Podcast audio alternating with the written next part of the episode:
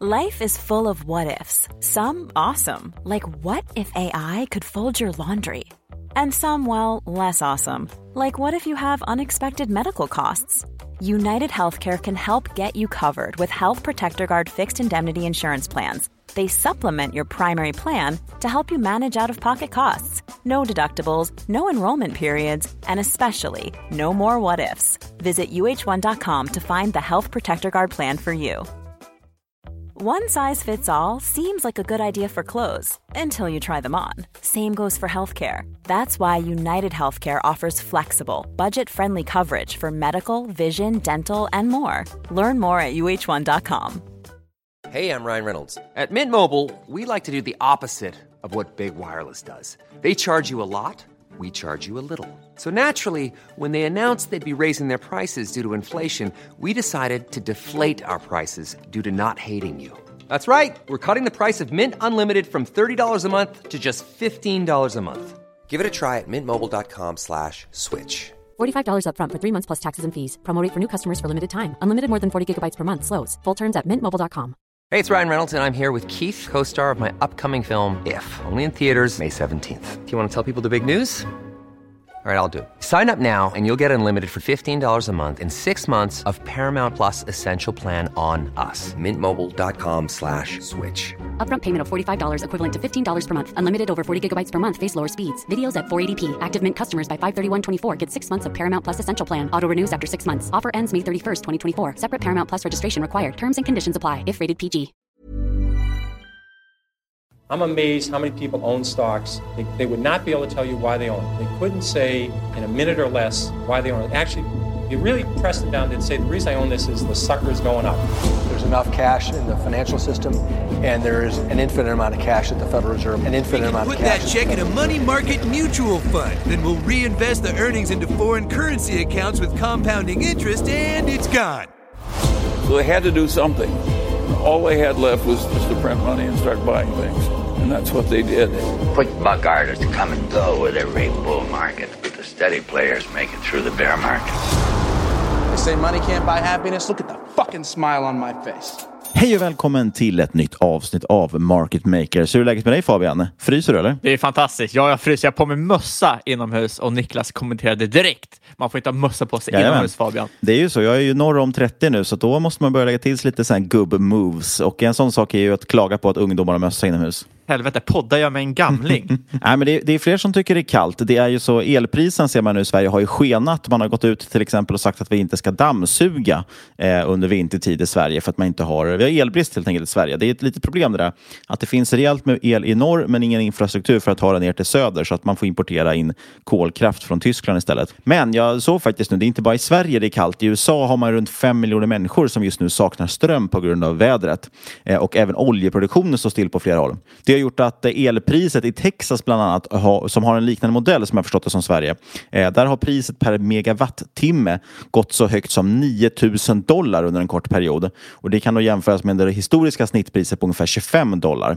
Eh, där kan man prata om en prisökning. Det här är intressant av två anledningar. Dels i sig då att, att elpriserna går upp rejält. Det slår ju då mot, mot inflation, alltså KPI, alltså inflationssiffrorna. Det andra är förstås att, att när oljeproduktionen står stilla, då stiger oljepriserna. Och det här är något som, det är flera saker som påverkar. Men vi ser generellt att oljepriserna har börjat dra iväg rejält. Och det här slår också mot inflation. Just det inflationsmåttet är jätteintressant för det stora börsskräcken just nu, eller skräcken för börsen just nu, är de här långräntorna. Att eh, tioåringen i USA håller på att ticka uppåt och då blir folk rädda. Skulle nu, man tror ju att inflationssiffran ska landa på kanske 2,5 procent och med de här ökade oljepriserna och kanske lite elpriser och sådana saker, ja då kanske det skulle kunna studsa upp ytterligare upp mot kanske 3 procent. Eh, och då blir det ju en rejäl osäkerhet kring just ränteläget. Vad ska Fed göra då?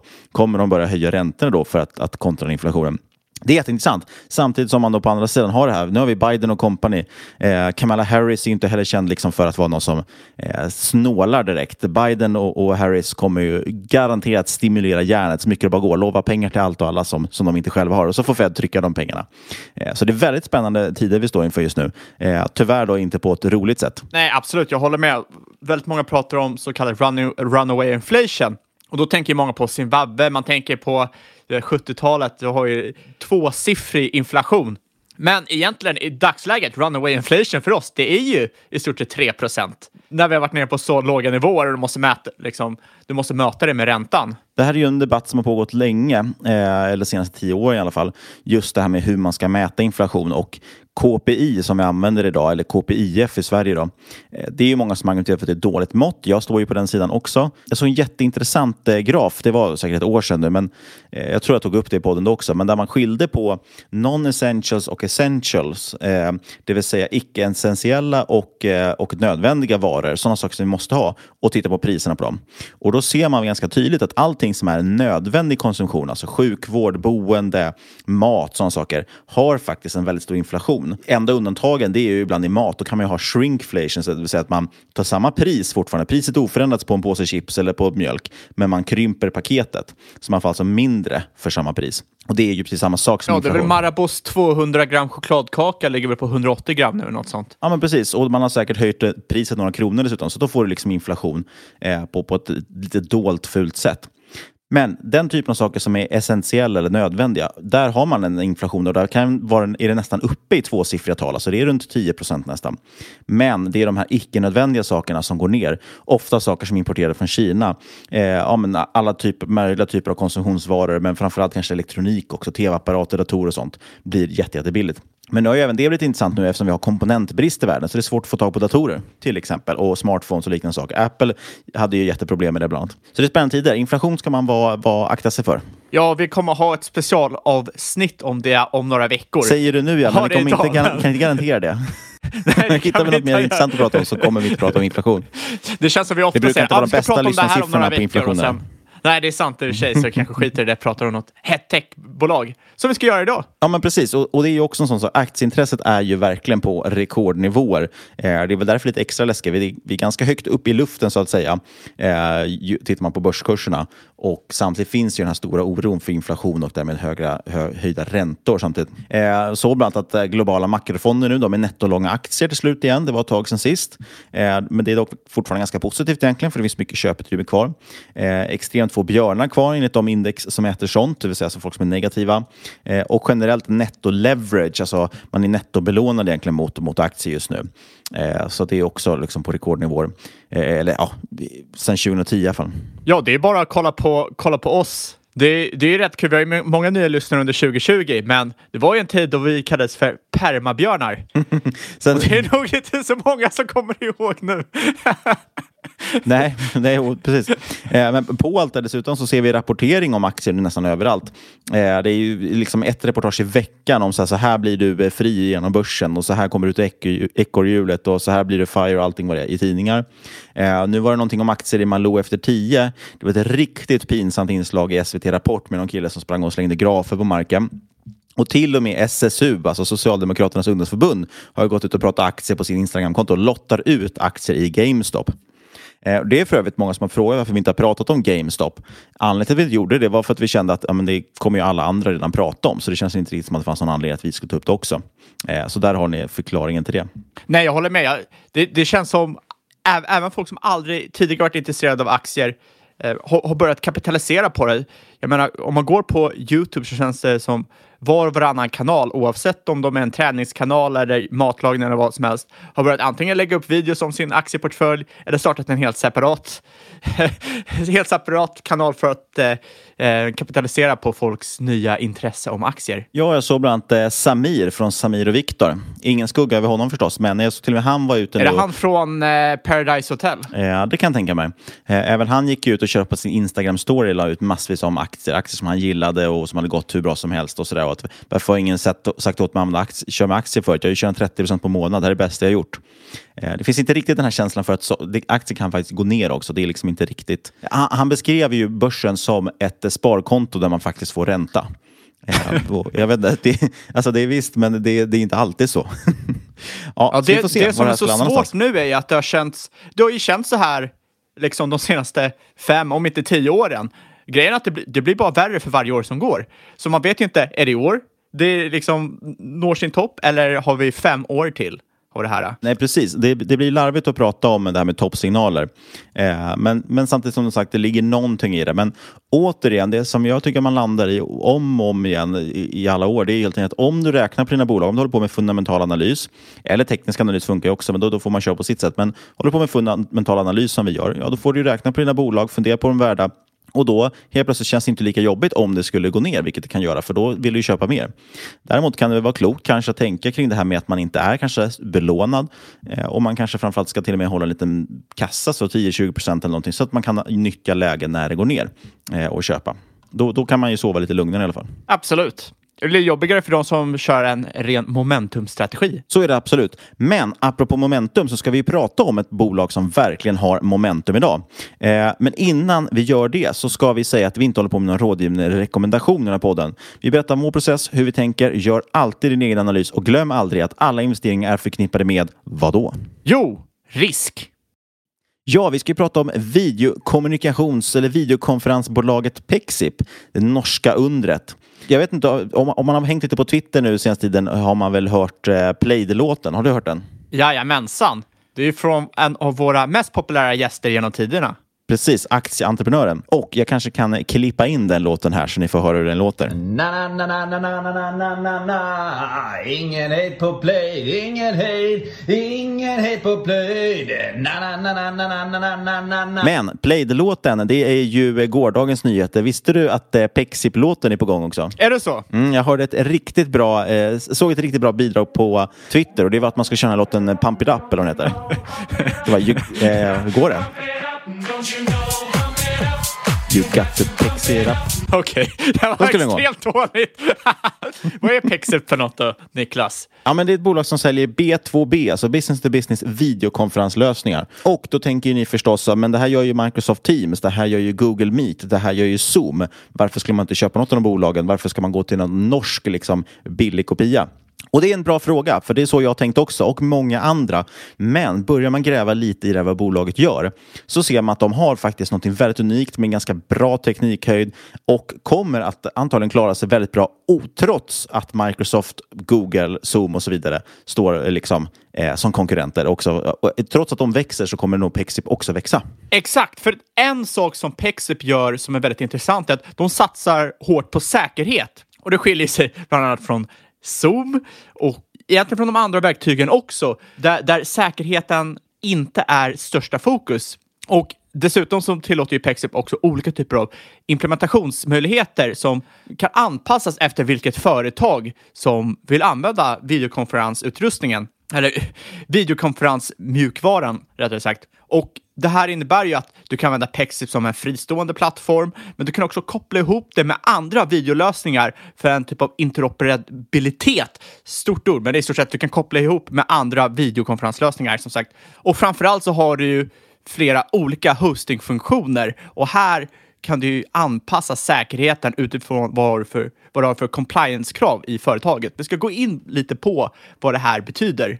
Ja, precis. Vi kan ju säga att grunden i Pexip, det är ju egentligen eh, två stycken lösningar. Det är ju deras liksom, videokonferenslösning, eh, men den finns dels som on-premise, det vill säga att du, har, du hostar den på dina egna servrar. Du står för hårdvaran, de levererar mjukvaran. Och så finns det molnlösningen, precis som Zoom och Google och så vidare. Eh, och det här är ändå ganska viktigt. Jag tror att det här är en central del som man bör förstå. Det är ju den här, vad som skiljer dem från Zoom, Teams och så vidare. Och då är det som du säger, den går att anpassa på ett helt annat sätt. Zoom, Zoom ser ut som Zoom ser ut, Microsoft Teams ser ut som Microsoft Teams ser ut och Google Meet ser ut som det ser ut. Eh, det är liksom bara standardlösningen. Zoom kan man ju hosta on-premise som jag förstått, alltså på egna servrar. Men det är väl i princip ingen som gör det, utan det är ju framförallt en molnlösning och Teams och Google Meet är ju helt och hållet eh, molnlösningar och som jag har förstått det finns inga tankar på att, att göra dem on-prem, utan man, man, det är en del av deras molnerbjudande. Det som är stora grejen är att väldigt många bolag har eh, fortfarande kvar mycket on-premise-lösningar, det vill säga att de hostar mycket själva. Eh, då är Pexip ett klockrent alternativ som man kan skala i, det vill säga att man kan implementera det nu för att snabbt få en lösning för att kunna ha liksom, videokonferens nu under corona och alla jobbar hemifrån. De kommer kunna funka även när du är i hybridläget, det vill säga mittemellan egna servrar och molnet. Och de kommer funka när de kommer till molnet. Så de kan ju följa det hela resan. Till skillnad från till exempel Teams där du måste då säga att helt plötsligt, okej stopp, vi kör inte om prem längre, vi går rakt in mot molnet. Och, ja, det är mycket svårare, det är väldigt svårt för företag att, att gå så snabbt till molnet. Så Pexip liksom är en lösning som du kan skala med. Sen finns det andra bolag, så det, det är för bolag då som inte har tagit sig till molnet än, men som är på väg dit. Sen finns det ju bolag där du inte får gå till molnet, eller åtminstone måste du ha full kontroll. Eh, jag tror till exempel, om inte jag har missförstått det hela, så i Sverige så ska ju svenska myndigheter och sådana saker ha sin hosting i eh, Sverige. Servrarna måste stå i Sverige. Eh, och Microsoft, Google och så vidare kan inte alltid erbjuda det.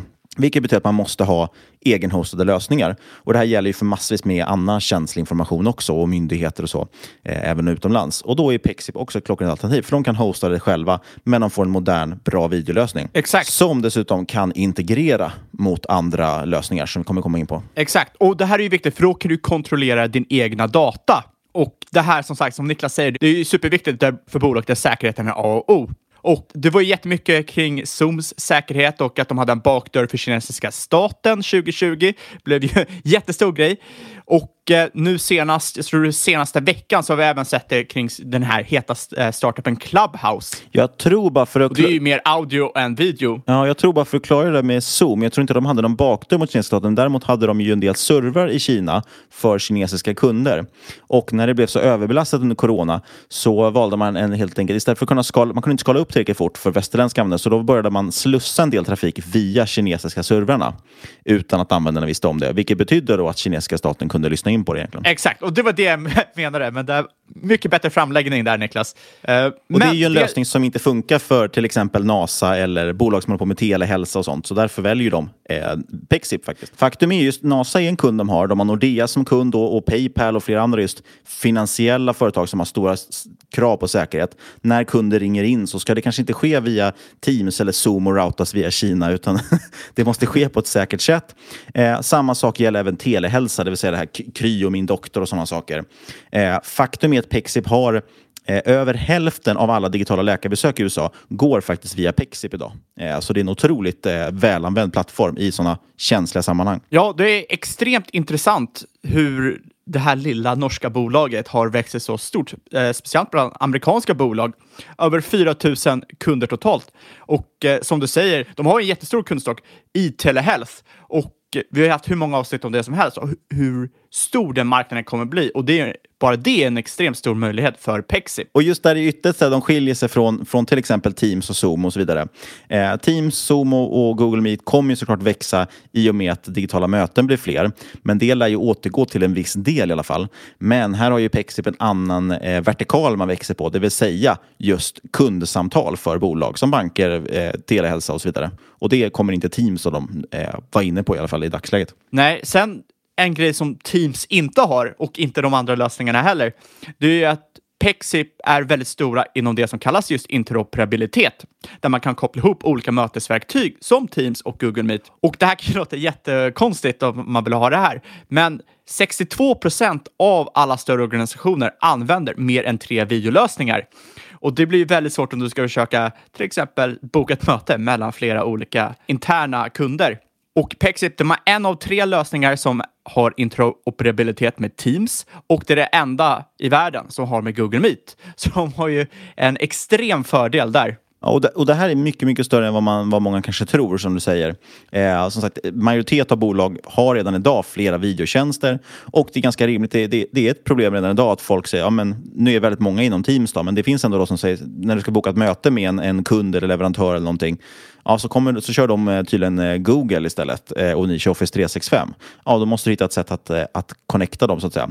Sen kan du vara ett bolag som idag till exempel har satsat eh, miljoner på att köpa in konferensutrustning från Cisco eller någonting eh, och installera alla dina kontor worldwide. Och sen så ska du börja rulla ut Microsoft Teams och inse att okej, men den här utrustningen funkar inte med Microsoft Teams.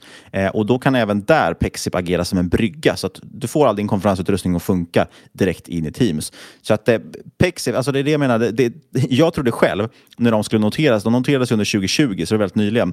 Eh, jag trodde ju själv att när de skulle ut, tänkte vad fan är det här för skit? De har någon liten Teams eh, Zoom-klon liksom som de har hackat ihop och så ska de försöka rida på den här corona och digitala möten-vågen. Men faktum är att när man börjar gräva i bolaget så är, har, finns det en otrolig teknikhöjd. Eh, ett antal patent också på den här typen av teknik. Det är ett jätteintressant bolag av massa anledningar som växer jättekraftigt, vilket vi kommer in på. Eh, och en sista grej där som vi kan säga det är att just det här kring börsnoteringen. Eh, den var ju förberedd sedan 2019 så det här var ingenting man bara kom på och hux flux skickade ut bolag på börsen. Eh, utan det var en ganska väl förberedd operation som dock gjorde att eh, eftersom det var under 2020 så var det faktiskt, eh, som jag har förstått det, historiens första virtuella börsnotering. Det är lite intressant också. Ja, angående det här med patent, det är inte så att de har en eller två, de har 24 beviljade patent och de har ytterligare 12 eh, som väntar på att, få, att bli beviljade.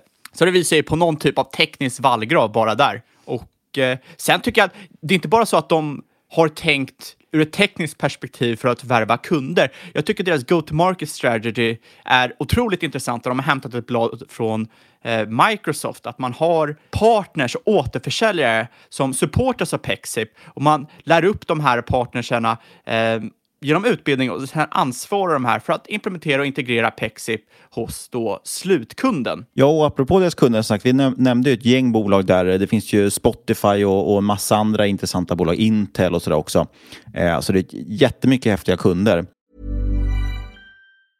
I'm Sandra and I'm just the professional your small business was looking for. But you didn't hire me because you didn't use LinkedIn jobs. LinkedIn has professionals you can't find anywhere else, including those who aren't actively looking for a new job but might be open to the perfect role, like me. In a given month, over 70% of LinkedIn users don't visit other leading job sites. So if you're not looking on LinkedIn, you'll miss out on great candidates like Sandra. Start hiring professionals like a professional. Post your free job on linkedin.com/people today.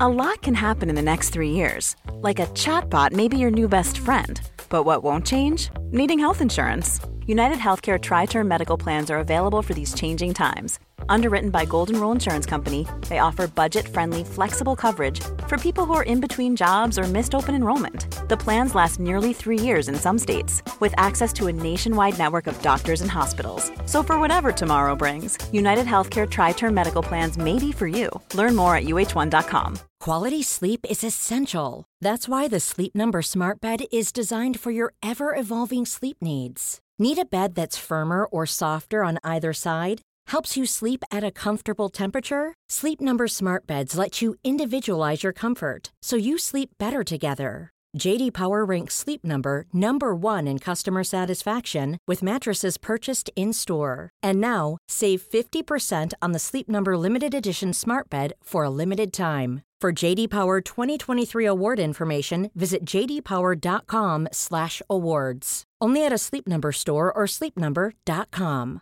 Many of us have those stubborn pounds that seem impossible to lose, no matter how good we eat or how hard we work out. My solution is PlushCare.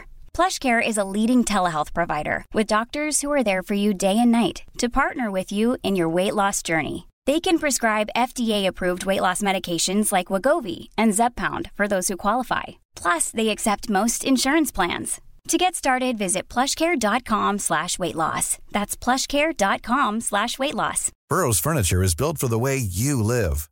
From ensuring easy assembly and disassembly to honoring highly requested new colors for their award-winning seating, they always have their customers in mind. Their modular seating is made out of durable materials to last and grow with you. And with Burrow, you always get fast, free shipping. Get up to 60% off during Burrow's Memorial Day sale at burrow.com slash ACAST. That's burrow.com slash ACAST. burrow.com slash ACAST. Eh, det som dock är viktigt att säga är att de har eh, alltså kunder över hela världen i princip, över 4 000 kunder totalt och Viktigt att veta att ingen av de här kunderna står för över 10 av omsättningen. Så det är inte så att NASA står för 90 av omsättningen för man hade tur och landade den och sen har man inget mer. Utan det är en väldigt bred diversifierad kundportfölj man har också. Ska vi prata lite siffror eller? Ja, väldigt imponerande siffror för ett sånt här bolag tycker jag. Eh, Kagger på annual recurring revenue sedan 2013 har legat på cirka 70 procent. Växer bra i alla marknader, men framförallt har man sett väldigt stor tillväxt hos de stora kunderna, vilket ändå är det som eh, Pexip satsar på, så det är otroligt positivt tycker jag. Ja, jag tror ju inte, Pexip kommer ju inte vara förstahandsvalet för eh, fåmansbolag till exempel. Där är det ju Zoom eller Teams eller någonting man kommer köra.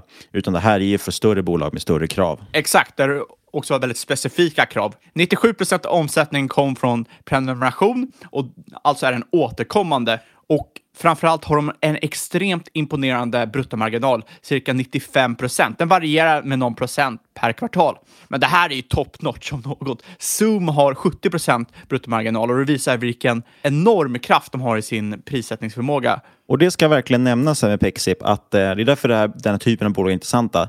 Det är ju ett alltså 100% skalbart bolag. Det är verkligen bara att pressa in hur mycket kunder som helst och så skalar produkten med det. Eh, det är klart att det finns någon form av teoretisk gräns kanske på det, i alla fall deras egen hostade tjänst. Eh, men här kan man verkligen växa och de här marginalerna kommer då bara expandera. Så det, det är väldigt intressant. Och sen om man, om man kikar på Q4 som faktiskt släpptes för några dagar sedan. Vi spelar in nu den 16 februari. Så med omsättningen fantastiskt, växte nästan 100% year on year. Ehm, för helåret så växte man strax över 80 procent. Annual recurring revenue, det var ju samma där eh, som tidigare CAGR. Det var faktiskt till och med hö eh, lite högre på 73 procent tillväxt year on year. Totalt ligger man nu på 82 miljoner amerikanska dollar och man satsar på 300 miljoner amerikanska dollar vid slutet av 2024. Och sen har du också net retention rate, alltså hur mycket de lyckas upsella, låg på 114 procent. Och det här är den enda lilla biten som jag hakade upp mig på, för jag tyckte inte, faktiskt inte det här var så jättebra siffra. Jag tycker det här är lite lågt. Jag hade gärna sett 130 procent eller högre. Kollar man på Zoom så har de 140 procent om jag inte missminner mig. Så att just kring upsellen tror jag att det här bolaget behöver jobba hårdare, få in fler funktioner och eh, mer försälja till kund. Ebit kommer in på 64 procent. Det, det, är samtidigt finns ju en stabilitet i bolaget i och med att den, deras net retention rate har legat runt 100 procent senaste åren. Eh, och corona har väl boostat den lite grann. Då, men eh, framförallt tror jag att det, här växer man genom att vinna nya kontrakt och behålla de gamla. Jo, jag håller med. Men man måste också tänka på att det billigaste sättet att växa omsättningen är ju upsell. Det är inte att värva nya kunder. Nu har ju inte de direkt Eh, problem antingen med att värva kunder eller med att tjäna pengar på sina nuvarande kunder. LTV till CAC-ration, alltså hur mycket de tjänar på en kund jämfört med vad de får, måste betala för att få in kunden, är cirka 6 till 1. Alltså de tjänar sex gånger så mycket på kunden än vad de måste betala för att få in den. Och Det där är jätteintressant. Vi har ju pratat om den här typen av eh, ratio tidigare också. Eh, det var faktiskt eh, aktieentreprenören som vi pratade om tidigare, en, en tidigare poddgäst och väldigt duktig investerare. Han har ju eh, skrivit en jättebra analys om Pexip som man ska läsa. Den är 20 sidor någonting, Den var väldigt välskriven tycker jag. Eh, han tog in ett ganska bra citat just kring LTV genom CAC, alltså ja, värdet på kunden genom kostnaden för att ta in kunden. Eh, och det citatet då egentligen eh, menar ju på att har du ett till ett där, det vill säga att det kostar lika mycket som att ta in kunden som, att, som du får när du, när du får in den, eh, då är det ju inte värt att satsa på egentligen. Har du kanske två eller tre eller fyra gånger så mycket intäkt, ja men då är det ett intressant bolag. Har du över fem, ja då investerar du alldeles för lite i att köpa in kunder. Då borde du verkligen expandera, satsa på att få in ännu mer kunder eftersom du tjänar så fruktansvärt mycket på varje ny kund som du får in. Eh, och det kommer vi återkomma till lite kring också varför man tog in kapital vid, vid IPO och hur man ska kunna växa, växa framåt. Eh, men just LTV genom CAC på upp till 6, det är jätteimponerande och väldigt, väldigt eh, lovande för framtiden. Det vill säga man känner väldigt mycket på varje kund man drar in. Därför skulle man vilja att det här bolaget satsade stenhårt på att dra in nya kunder, vilket de nu ska göra. Ja, sen i Q4 också fick man in flera stora kunder. Man klämde in eh, amerikanska Coast Guard, eh, amerikanska och Defense Health Agency, varav den senare ligger på 2 miljoner amerikanska dollar i ARR. Och det här visar ju vilken typ av organisationer och företag som vill använda sig av Pexip. Det här är ju jättestora kunder inom den amerikanska eh, government så, så, så, som går internationellt, som söker sig till just lilla Pexip snarare än Microsoft, Google och, eh, eller Zoom. Och då ser man ju direkt, ja det finns ju någonting här i bolaget, någon form av teknisk vallgrav som lockar den här typen av kund. Jag tror att egentligen, har man varit på lite sådana myndigheter eller större företag så, så tror jag att man ser ganska tydligt vad det handlar om egentligen. För det när de ska köpa in sina tjänster, de sitter ju där med ska förhandla fram ett jättekontrakt, då, i det här fallet på till exempel 2 miljoner dollar. Eh, man ska ha en videokonferenstjänst och så sitter man och då sätter man en kravspec och då har man jättehöga säkerhetskrav, man har väldigt höga tekniska krav. Det finns en massa punkter som måste uppfyllas. Som ofta Ofta kanske inte går helt i linje med det som är liksom, eh, framtiden och det mest tekniskt det häftiga. Liksom, att det är, allting går via molnet och är så smidigt och det är bara att koppla upp sig. En stor anledning till varför Zoom funkar så smidigt och många gillar det, det är ju för att den är väldigt osäker.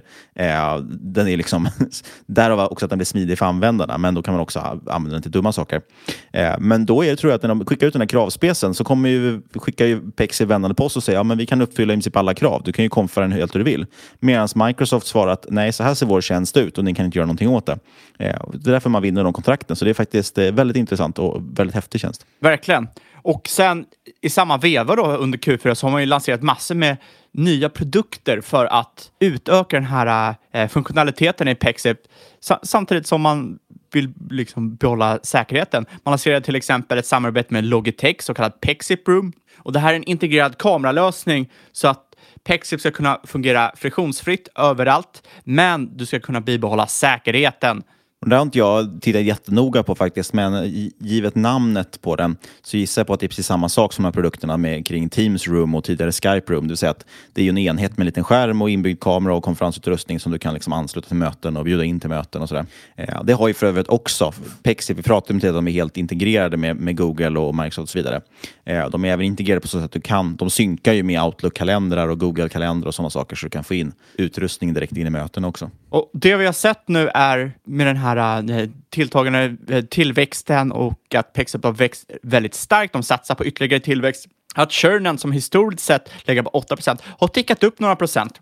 Och det här liksom fastnar man direkt vid och så tänker man varför varför händer det här? Men jag tror inte det direkt behöver vara negativt. Kollar du till exempel på ett eh, SaaS-bolag som Shopify så ser du ju att desto högre churn du har, det behöver inte direkt vara negativt. Tittar du på till exempel ett bolag som Shopify, ja, eller, eller Pexip som vi pratar om just nu, men Shopify har också väldigt hög churn. Det betyder inte att produkten är dålig eller kunderna inte gillar det. Det betyder helt enkelt att de har en väldigt attraktiv produkt som är väldigt friktionsfri att använda, vilket gör att väldigt många ansluter sig till produkten. Och när du har sån hög tillväxt innebär ju det att väldigt många kommer churna. Jag skulle inte nödvändigtvis tycka att det var positivt med en lägre churn, för då kanske de inte skulle maxa tillväxten och maxa antalet användare som skulle kunna komma in i produkten. Och så kan man ju ställa sig frågan, vad får man betala för det här äh, bolaget? Ja, de går ju inte med vinst, så vi kan inte sitta här och slänga med en P tal Men du får ju betala EVS på 15. Och det här är faktiskt billigt om man jämför med Peers. Det är väl halva priset ungefär. Men det kanske inte är billigt totalt sett om man kikar på en absolut basis. Peer-värdering, alltså jämföra med liknande bolag, det är ju eh, problematiskt av många anledningar. Speciellt, Speciellt när kan jag tycka... börsen är så dyr nu. ja, precis. Det är bara som att säga det, så, ja, men bara, för den här, bara för att den här skiten är dyr, eh, är dyrare så ska mitt bolag vara värt eh, Ja, det blir jättekonstigt. Eh, om du har, du har någonting övervärderat, det gör ju inte ditt bolag lägre värderat bara för att andra är mer hög, ö, övervärderat. Alltså det, det, betyder det bara att andra är mer övervärderat. ja, men precis. Eh, och dessutom tycker jag att det blir extra svårt med peer-to-peer eller peer-värdering när du har ett nyckeltal som EV Sales som vi pratar om. Alltså du tittar på egentligen eh, Enterprise Value, alltså med vi säger börsvärdet för enkelhetens skull, eh, och genom omsättning. Eh, problemet med det är att för att de här marginalerna mellan de här bolagen kan skilja sig åt väldigt mycket. Därav att just det här EV Sales är ju ofta väldigt högt för sådana här SaaS-bolag alltså som säljer prenumerationstjänster och höga återkommande intäkter. För de har oftast också väldigt bra eh, marginaler jämfört med till exempel ett Sandvik eller Atlas Copco som inte ska ha så himla hög EV Sales multipel. Eh, och just det här med vinst, vi, vi kanske ska prata lite om det, varför man gjorde en börsnotering och tog in pengar. Ja. Eh, för, det, för det har också gjort lite ihop med, med framtiden för bolaget som såklart är superrelevant. Som sagt, man noterades i maj 2020, världens första virtuella börsnotering och då tog man in en miljard miljard norska kronor eh, som ska användas då till en expansion. Eh, tanken är att man är i dagsläget runt 200-300 anställda. Det här ska växa till 650 personer år 2022. Bara för något år sedan var man typ 100-150 så det har redan gått väldigt fort eh, och kommer fortsätta gå väldigt fort. Och i princip majoriteten av det här kommer vara sälj och marknadspersonal. Viss R&D också, alltså utveckling, men framförallt sälj och marknad. Man ser ju att i många så här nyckelländer och nyckelstater så har man ganska få som sitter och säljer och man ser att det finns ett utrymme för fler. Det hänger ihop med det här pratet om att LTV CAC, alltså värdet av en kund som man drar in jämfört med vad det kostar att dra in, är extremt högt. Eh, och därför vill man ju då bara kräma på. Man vill ju sälja till så många som möjligt för att man tjänar väldigt mycket pengar på det. Så man kommer satsa stenhårt på att sälja helt enkelt, att få ut produkten. Men det här innebär ju också att det kommer kosta pengar att göra det. Så det är därför man vänder till förlust nu. Bolaget har tidigare varit lönsamt, man har växt, man tog in lite riskkapital precis i början någonstans där. Eh, men det var ganska små belopp i jämförelse och sen har man ju växt organiskt med sitt eget cashflow så att säga. Eh, men nu räknar man ju då med att investera kanske 70 procent av det här kapitalet man tog in, alltså runt 700 miljoner norska kronor, ska investeras här bara kommande åren. Så att man kommer satsa stenhårt på det här.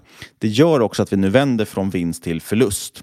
Eh, man går från en typ 8 i rörelsemarginal eh, till negativt 20% hade man ebitda-marginal, men den kommer nu bli minus 25-35 procent någonting säger man eh, under åtminstone de kommande två åren. Så det här kommer kosta och det är därför man tar pengar för det.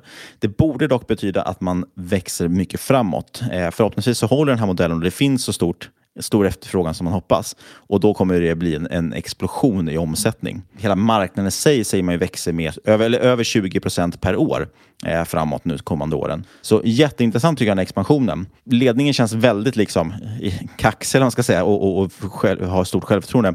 Men det, det, kan ju då tilläggas också att det inte är liksom några duvungar som har drivit det här bolaget. Eh, flera av grundarna gjorde ju en tidigare exit mot Cisco. De sålde ett bolag till Cisco eh, och har ganska bra med pengar. Och de har ju faktiskt då eh, stora, stora aktieinnehav i Pexip också. Flera stycken äger ju aktier för ett antal hundra miljoner till och med, eller över hundra miljoner. Eh, och totalt då eh, så uppgår insiderägandet till cirka två miljarder norska kronor då, vilket är över 20 procent av bolaget. Så det är lite pilotskolan så att säga. Verkligen. Och man behöver inte vara rädd heller för man ska åka på nyemission på nyemission, för man har ju en otroligt stor kassa nu. Man är över en miljard norska kronor i nettokassa. Och det är ju den här kassan man ska använda nu de kommande åren. Man satsar på att 70 procent av rest kapital från börsnoteringen ska spenderas de kommande tre åren och ska räcka gott och väl. Precis, jag skulle inte heller oroa mig för finansieringsdelar utan det, det jag tror man ska hålla koll på framåt, det man måste, dels måste man vara medveten nu om att man vänder till förlust. Man måste förstå varför man vänder till förlust och sen måste man hålla stor, stor koll på tillväxttalen nu. Kommer den här expansionen verkligen löna sig? Eller har man bara ökat sin headcount och eh, sina kostnader eh, men inte får in några nya kunder? Men just det här med att man då vänder till förlust, det påverkar ju också eh, multiplar och så. Så att egentligen det man skulle göra när man ska kolla värderingar, det är mycket roligare när de går med vinst, för då kan man lätt jämföra P tal och sådana saker.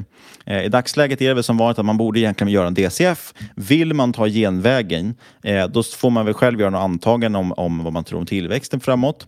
Vilka marginaler kan man ha framåt? Och därifrån då kan man räkna ut, räkna ut potentiella ev ebit nyckeltal eller till och med P tal och så vidare. Eh, så att, ja, det är lite svårt att titta på, på multiplar på det här bolaget i dagsläget, tycker jag i alla fall. Men det är för att jag inte är helt bekväm med EV Sales. EV Sales, det är väl allt man behöver och bruttomarginal. De säger, det lärde jag mig 2020. De, de säger det, tillväxtinvesterarna.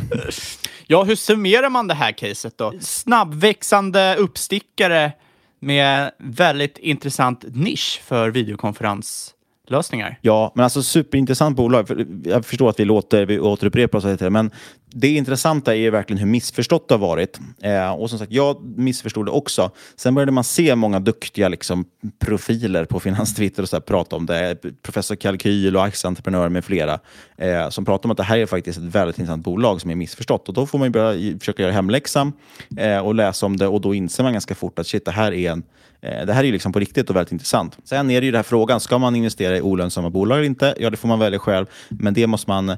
Jag tror personligen på att de kommer lyckas med den här expansionen framåt. Hur kraftig den blir och hur länge den kan pågå, det vet jag inte. Men jag, jag tror att det är en klok satsning man gör i alla fall. Jag, jag, jag eh, missförstod jag det här bolaget på ett helt annat sätt. Jag, eh, jag blandade ihop det här Pexip då med Peptonic Medical som var ett bolag som en vän till både mig och Niklas talade så hett om back in the day eh, som håller på med vaginal torrhet. Och det gick ju, det gick ju inte så bra med dem framöver. Och eh, jag tänkte, jäklar vad intressant att det var så många som tyckte det här var så intressant helt plötsligt. Ja, nej, eh, det var faktiskt inte den typen av bolag vi ska prata om idag. Det får vi göra någon annan dag. Men som vanligt så ska vi dra våra disclaimers och vi kan väl först kanske redogöra om vi har något innehav. Jag äger i alla fall aktier i Pexip. Gör du det? Jag äger inte aktier i Pexip, men kanske en dag. Fegis.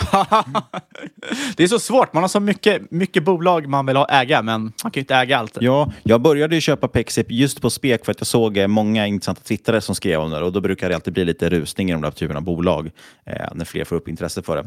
Eh, men sen har jag legat kvar om det och tyckt att börjat läsa på om bolaget och insett att nej, det här är nog intressant och eh, jag tror att får man till den här tillväxtexpansionen, eller tillväxten som man tänker, eh, med de här fina bruttomarginalerna, ja då kommer man få en, en eh, exponentiell utveckling förhoppningsvis i, i vinst på sikt också, men framförallt eh, omsättning först och främst. Men det är jag som tycker det och inget du har hört den här podcasten ska ses som rådgivning. Alla åsikter är våra egna, är det vår gäst och eventuella sponsorer tar faktiskt inget ansvar för det som sägs i podden. Inte ens om vi skulle vara sponsrade av Pexip. Nej! Går Pexip ner 50% efter ni har hört det här, ja, då Skyll är det själv. ert fel. För att tänk på att alla investeringar är förknippade med risk och sker under eget ansvar. Det var ju en eh, nu på Flashback, jag tror i att det var ett eh, skämt, men han eh, hävdade att han hade förlorat ett antal miljoner på investeringar i GameStop och han funderade nu på under vilken rubrik han skulle anmäla, polisanmäla Avanza om det var aktiestöld eller någon form av investeringsbedrägeri. Det där undrar jag... Och det kommer inte funka. Det är ingen idé att du försöker göra det på oss. för du tar helt eget ansvar för dina investeringar. Jag undrar alltid hur sådana människor får ihop miljoner. Har de ärvt det då eller har de bara lyckats YOLOa ihop några miljoner på börsen och sen Han spränger de hävdar att han hade stoppat in sina sparpengar plus bolånet, tror jag. Ah, smart. Eh, men som sagt, jag tror att det där var ett eh, skämt. Ja, man, vet. Man får i alla fall hoppas det. Man, man har ju sett folk som har sprängt, framförallt på optioner, som har eh, sprängt fantastiskt fina konton. Men vill du eh, prata med oss om varför optioner inte kanske är så klokt om du är nybörjare? Ja, då skriver du till podcast.marketmakers.se eller varför inte på Twitter, att marketmakerspod, så kan fler ta del av eh, lyckan eller olyckan. Vill du smeka våra egon eller kanske något annat? Ja, lämna gärna en recension på iTunes. Och sist men absolut inte minst så säger vi stort tack för att du har lyssnat. Och vi hörs igen om en vecka och då ska vi prata bitcoin. Bit, bit, bitcoin! Hey, bitconnect!